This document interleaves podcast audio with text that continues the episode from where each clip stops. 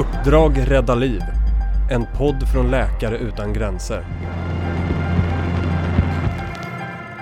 Välkommen till ett nytt avsnitt av vår podd där ni får chansen att lära känna några av våra fältarbetare lite bättre. Jag heter Katinka Agneskog och jag jobbar på Läkare utan gränsers kontor här i Sverige. Och med mig här i studion så har jag sjuksköterskan Jon Gunnarsson. Hej och välkommen. Tack så mycket.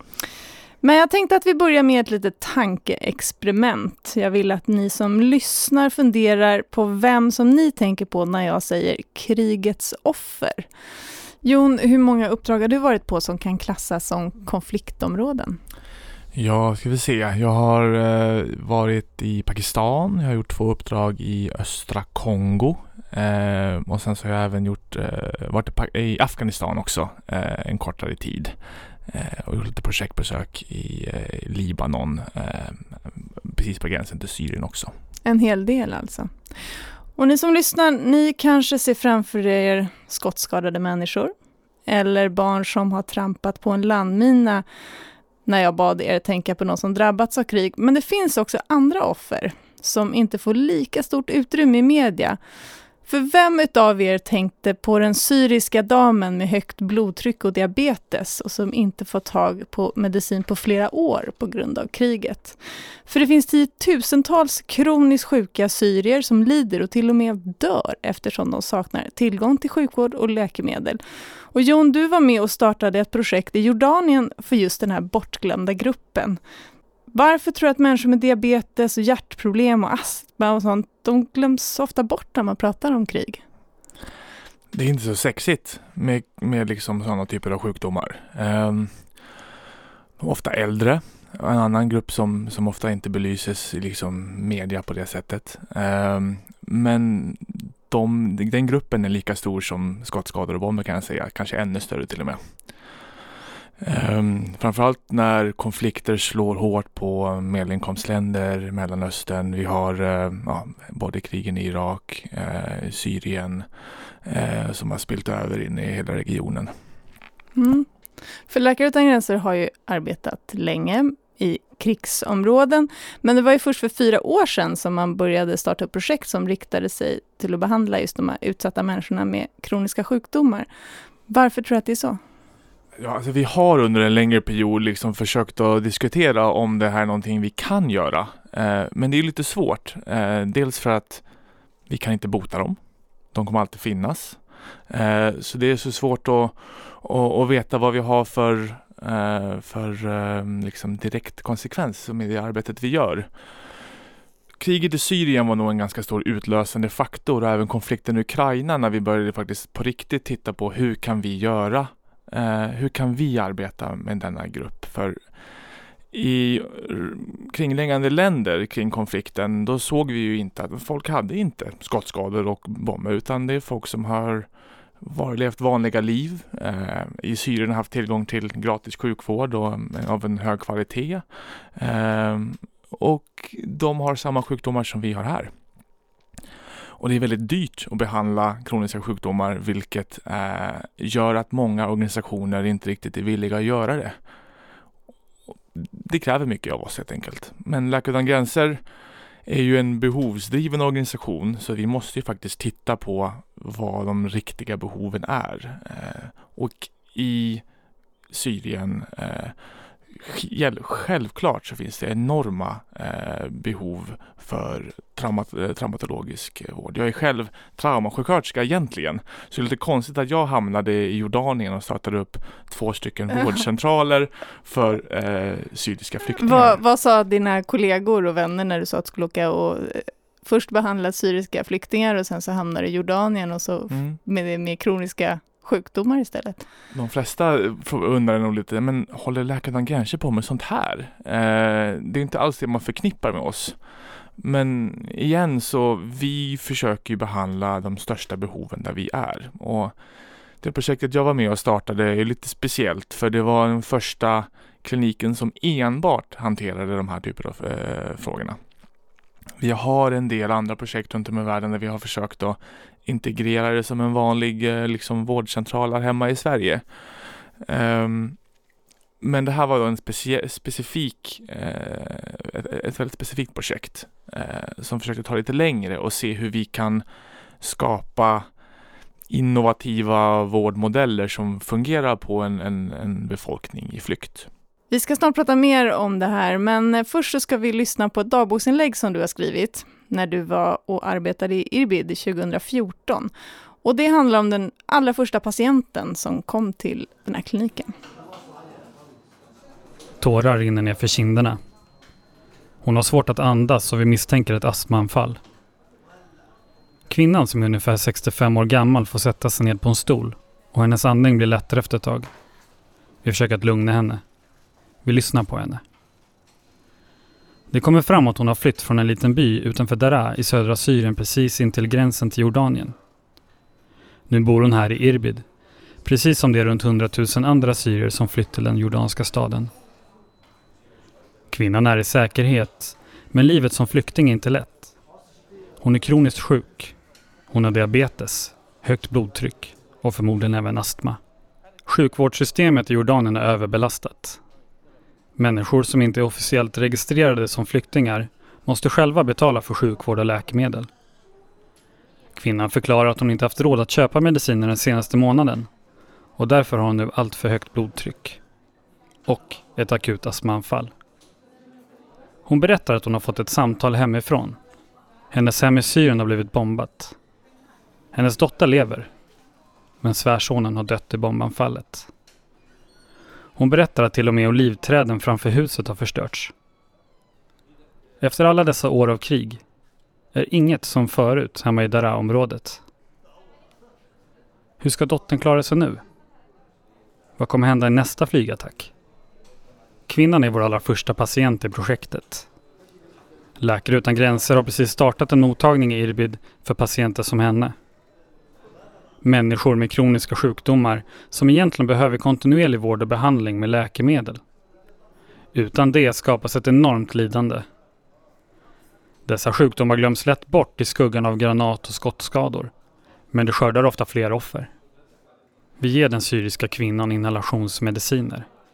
Lite syrgas.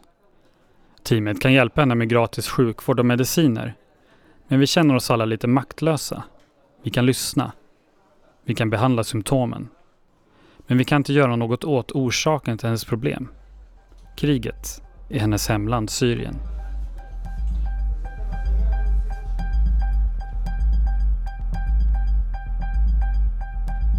Ja, det här var från 2014, fyra år sedan. Mm. Det är fortfarande krig i Syrien.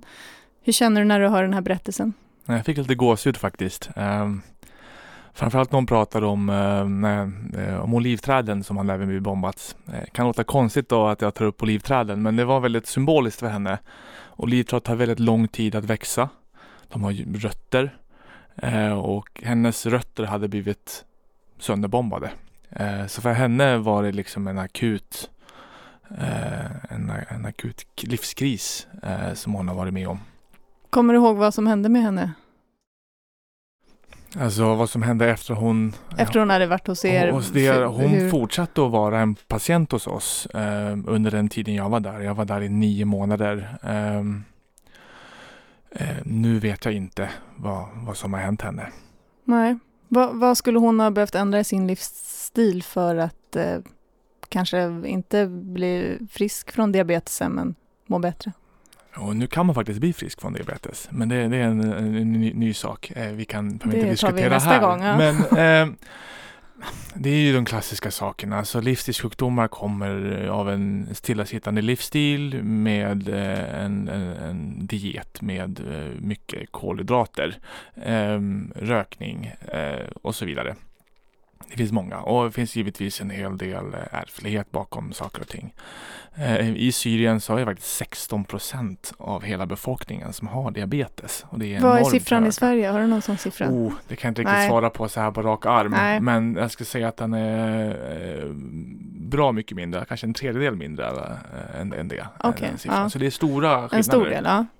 Eh, så eh, det, det som var lite unikt med vårt projekt som pratade just om de liv, livsstilssakerna eh, vi nyss tog upp. Det var att vi försökte faktiskt stötta patienter i att förändra livsstil. Och det kan ju låta helt galet och absurt att vi sitter och försöker få någon att äta lite mer hälsosammare, röra på sig lite mer, sluta röka eh, när man är flykting. Ja. Och, Hur, gör, och- hur gör man det rent, alltså för Mm. att få någon som har flytt undan ett krig att lägga ner paket cigaretter eller det finns ju inget gym att köpa ett gymkort på. Finns det, finns det några bra sätt att göra det Alltså, på?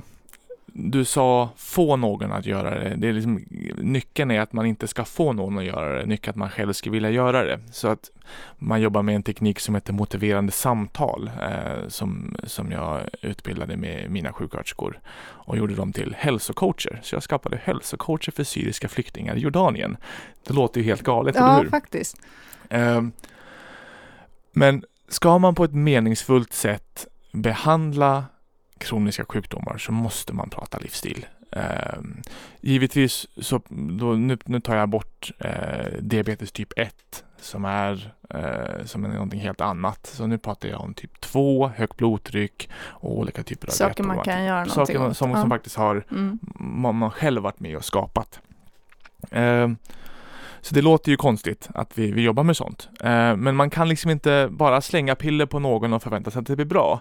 Man måste jobba med att man faktiskt ska ta sina läkemedel. Man måste jobba på att eh, minska socker i maten för att sjukdomen kommer att förvärras eh, om man inte gör det oavsett hur mycket piller man tar.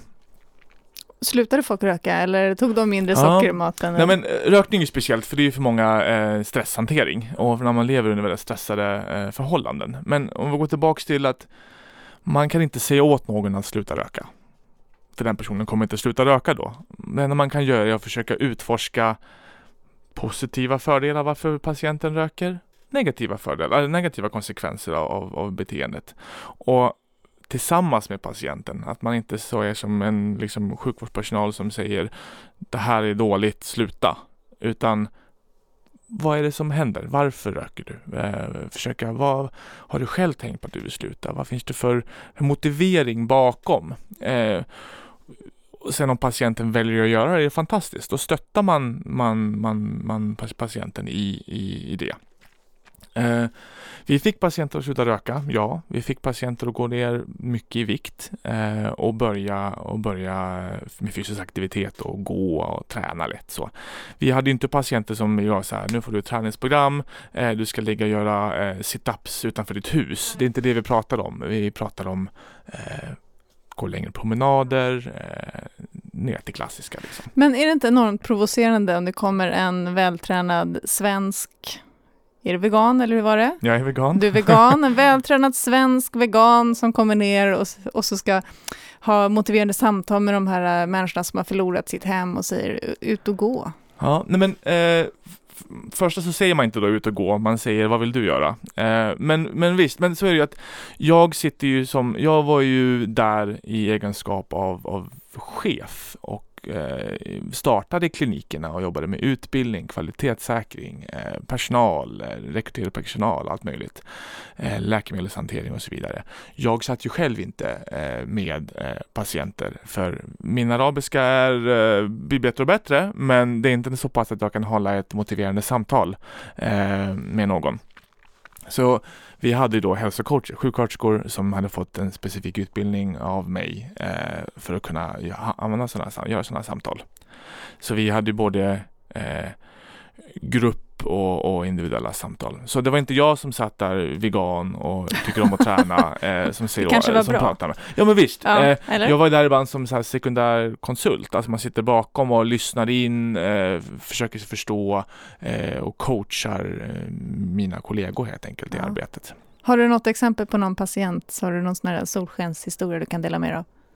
Ja, solsken och solsken. Och visst, vi hade många eh, patienter där vi, där vi liksom såg att eh, med läkemedel och, och, och andra insatser att deras blodsocker stabiliserades, deras blodtryck stabiliserades och de mådde mycket bättre.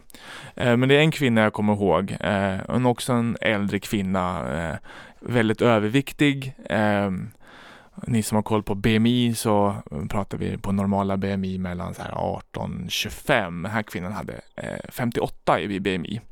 Eh, och hon hade väldigt, väldigt och svårt BMI står då för Body Mass Index. Ja. Eh, ett väldigt trubbigt verktyg som jag inte behöver gå in närmare på, men eh, det säger någonting. Eh, hon hade svårt att ta sig upp för eh, vår trappa.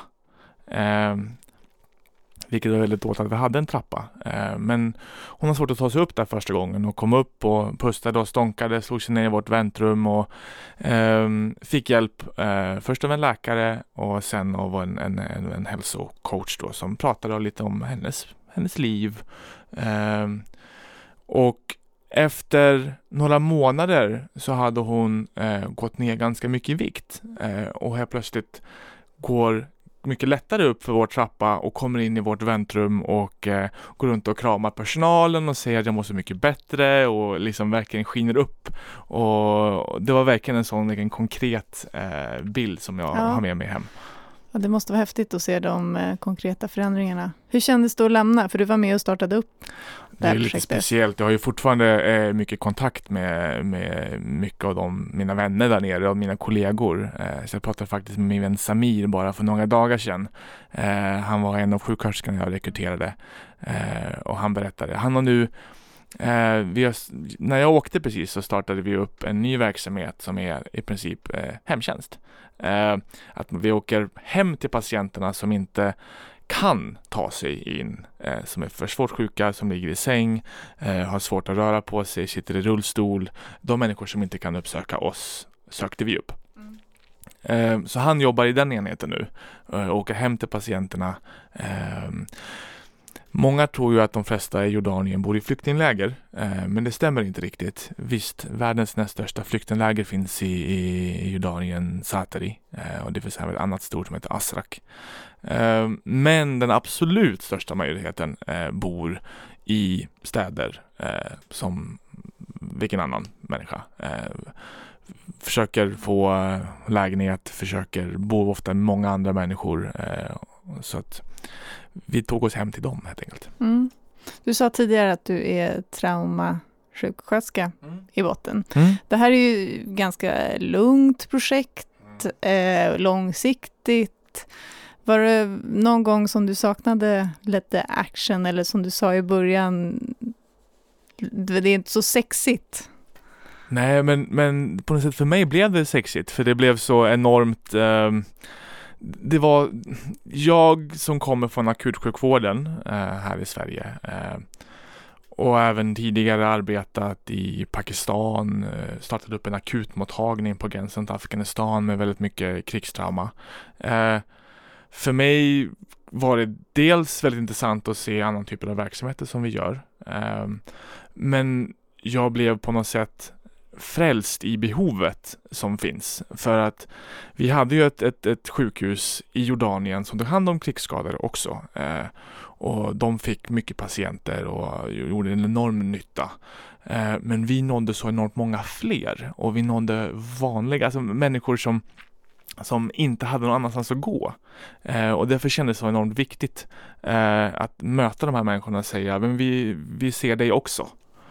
Men ehm, nu tänkte jag byta ämne lite och prata lite mer om, om dig och om livet i fält. När man är ute så här länge, känner man sig ensam någon gång? Du är ju en väldigt social person som vi kanske alla känner här.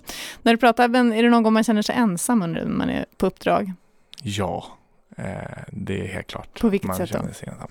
Men alltså, det är ju ett ganska så ensamt jobb eh, på det sättet att eh, du tas bort från din, din egen vardag, eh, dina vänner, eh, familj och placeras någon annanstans i världen där du initialt inte känner någon annan.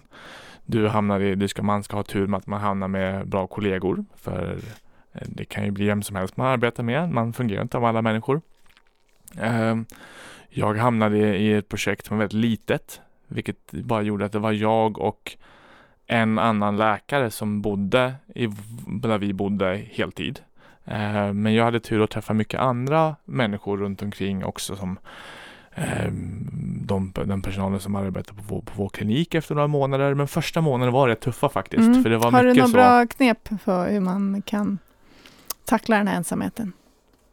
Ja men alltså det är ju fantastiskt att vi har eh, Skype idag. Jag menar när vi kanske började på 1971 och då åkte våra sjuksköterskor och läkare med åsnor i Afghanistan i 24 månader och hade inte möjlighet att kontakta någon under hela deras uppdrag. Så eh, världen har blivit mindre på det vi sättet. använder fortfarande Eh, åsnor ja. ibland, men nu har vi Ja, en satellittelefon i alla fall, Ja, eller Ja, i bästa fall en uppkoppling. Men jag Ja. vet att du har en flickvän också. Ja, Hur får man ihop en relation och fältuppdrag? För du berättade i början att du har varit iväg en hel del på uppdrag. Mm. Eh, jag har ju inte haft en flickvän under hela den perioden. Nej. Eh, det har eh, inte riktigt Underlättar. gått. Nej. Jag har varit på ett av mina senaste uppdrag. Jag kom hem från östra Kongo, hade varit något som heter medicinsk gruppledare eh, på ett stort sjukhus eh, i östra Kongo i Walikale. Och det var bara ett kortare uppdrag, fem månader ungefär. Mm. Eh, och då hade jag På fem månader. Ja, då hade jag, då hade jag en, en relation och det var jättesvårt. Ja. Det var första gången jag hade en relation när jag var borta i fält och det tärde ganska mycket på relationen. Vi, vi överlevde det, men för mig var den svåra liksom, delen att eh, kunna vara emotionellt tillgänglig för någon annan när man, när, hens, när man är på en plats där all sin tid och emotionella kapacitet går åt till att försöka räcka till till alla andra människor så känner inte jag att det räckte till och kunde vara närvarande på sättet hon behövde. Så för henne var det nog ganska så svårt. Hon tyckte inte att det var speciellt roligt eh, och, och att jag var borta. Eh, Ja. Vi Och- närmar oss en ny period, eh, lite kortare, kanske tre Ja, månader eh, okej. fram till Men nu har ni ju provat det september. här en gång, så jag tänker att nu kanske ni nu vet ni lite mer vad ni ger in på, eller? Hoppas det. Ja. Hur upprätthåller man vänskapsrelationer? För jag Mm, förutsätter att du kanske har några vänner som du vill hålla kontakt med också. det har jag. Nu vill jag inte låta för liksom, här, liksom negativ, men det, det är svårt också. Eh, jag är en sån här glad, gladeligen stenåldersmänniska som inte har Facebook, och Instagram, eh, sociala medier överhuvudtaget. Så mig måste man faktiskt kontakta på riktigt om man vill prata det med finns mig. alltså sådana kvar? Ja, det gör Ja, det några. ja. Vi är en, en Ja. utdöende eh, skara. Men ehm, det är svårt. Jag, jag, jag, jag har en, en, en, en grupp nära vänner som, som jag alltid kommer att ha. Ehm, så att när man kommer hem tillbaka, mellanlandar här så, så kan man lätt gå tillbaka till gamla. Men jag tog faktiskt ett beslut efter Jordanien och gjorde kortare uppdrag i Afghanistan efter Jordanien. Ehm, ehm, att jag ville vara hemma en period för att se till så att jag inte tappar vänskaper. Jag har eh, mina två bästa vänner, de har barn. Jag vill vara närvarande i deras liv under perioder. Så jag vill inte att de ska glömma bort mig på något sätt. Nej, Eh, barnen undrar vem det är som Ja, ramlar in en ja, gång vart precis. femte år. Ja, nej så illa är det inte. Nej.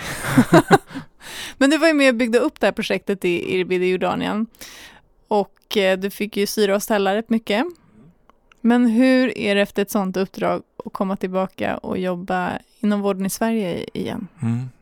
För alla er som lyssnar som eh, tänker, som är sjuksköterskor eh, och, och tänker att man skulle vilja arbeta med Läkare gränser så, så kommer det vara svårt för er att gå tillbaka eh, efter eh, uppdrag med Läkare gränser. Dels för att själva jobbet vi gör är så enormt på något sätt beroendeframkallande för det du ser omedelbart resultat på det arbete du gör.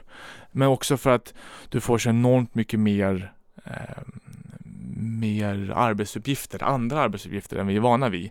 Jag ska inte säga, det är inte mycket av det jag eh, arbetar med i fält som jag är, som man går igenom på en sjuksköterskeutbildning eller som man gör här hemma. Här hemma tar jag hand om patienter eh, direkt, eh, men där nere jobbar jag framförallt med, som jag pratade om tidigare, ledarskap. Du Saknar du inte patientkontakten då, tänker jag? Jo men ibland, men då kan jag alltid gå ner till sjukhuset eller till kliniken och, och, och vara delaktig. Men det är inte det som är mitt största jobb. Eh, givetvis har man en specialistutbildning i anestesi, operation. Då arbetar du mycket, givetvis Mm. mycket närmare patienten. Men som en allmänutbildad sjuksköterska eh, så kommer ditt arbete se väldigt, väldigt annorlunda ut. Så jag har haft svårt att gå tillbaka till svensk sjukvård. Eh, och, och försöker tampa med hur ska man kunna göra någonting man trivs med och känner, känner meningsfullt på hemmaplan. För det går ju inte att vara ute och arbeta med Läkare utan gränser hela tiden. Eh, det är nog inte så hälsosamt. Nej, Eh, det var man de där kompisarnas barn som du skulle... Alltså, Ja, precis. Ja, precis. Eh, ja. Ja, Så det, det, det är en utmaning. Eh, jag tampas fortfarande med den och vad ska jag syssla med ja. egentligen när man blir stor? Vad ska du bli när du blir stor? Precis. Och då leder det in mig på min sista fråga. Ja. Vad är nästa utmaning? Vad, vad är- ligger... Du kanske inte planerar så långsiktigt, men vad ligger närmsta Nej, jag är tiden? inte så duktig på att planera långsiktigt. Men, men, eh, ja, men just nu, jag har tagit en liten en, en paus senaste tiden. Jag eh, eh, köpte ett litet hus eh, i Grekland som jag renoverar med egna händer och eh, det är en fantastisk upplevelse. Jag kommer att åka på ett kortare uppdrag till hösten, kanske några månader. Eh, men det är så att jag har precis blivit eh, invald till vår kära styrelse i Sverige. Så det kommer bli en hel del styrelsearbete Mm. för mig. Läkare utan gränsers styrelse. styrelse Ja. i Sverige. Och arbeta med att rädda liv och lindra lidande fast från ett styrelserum. Ja. Eh, kan låta lite konstigt men man kan göra mycket gott där också. Det blir en utmaning det med. Tack så mycket Jon Gunnarsson för att du kom hit. Jag heter Katinka Agneskog och vi vill gärna veta vad du tyckte om vårt samtal. Har du frågor eller funderingar om det vi pratade om så hör gärna av dig till oss. Till skillnad från Jon så hittar du oss på Läkare utan gränser Sverige på Facebook, Instagram och Twitter. Du har hört Uppdrag rädda liv, en podd från Läkare utan gränser. Podden gjordes av Katinka Agneskog, Sonja Leister och Alexander Uggla. Ansvarig utgivare är Oliver Schultz. Tack till Roll the Dice och Peder Mannefelt för musik och lån av studio. Tack också till Lars Aden Lisinski som läste in Jons dagboksinlägg. Vill du höra fler avsnitt? Du hittar dem där poddar finns.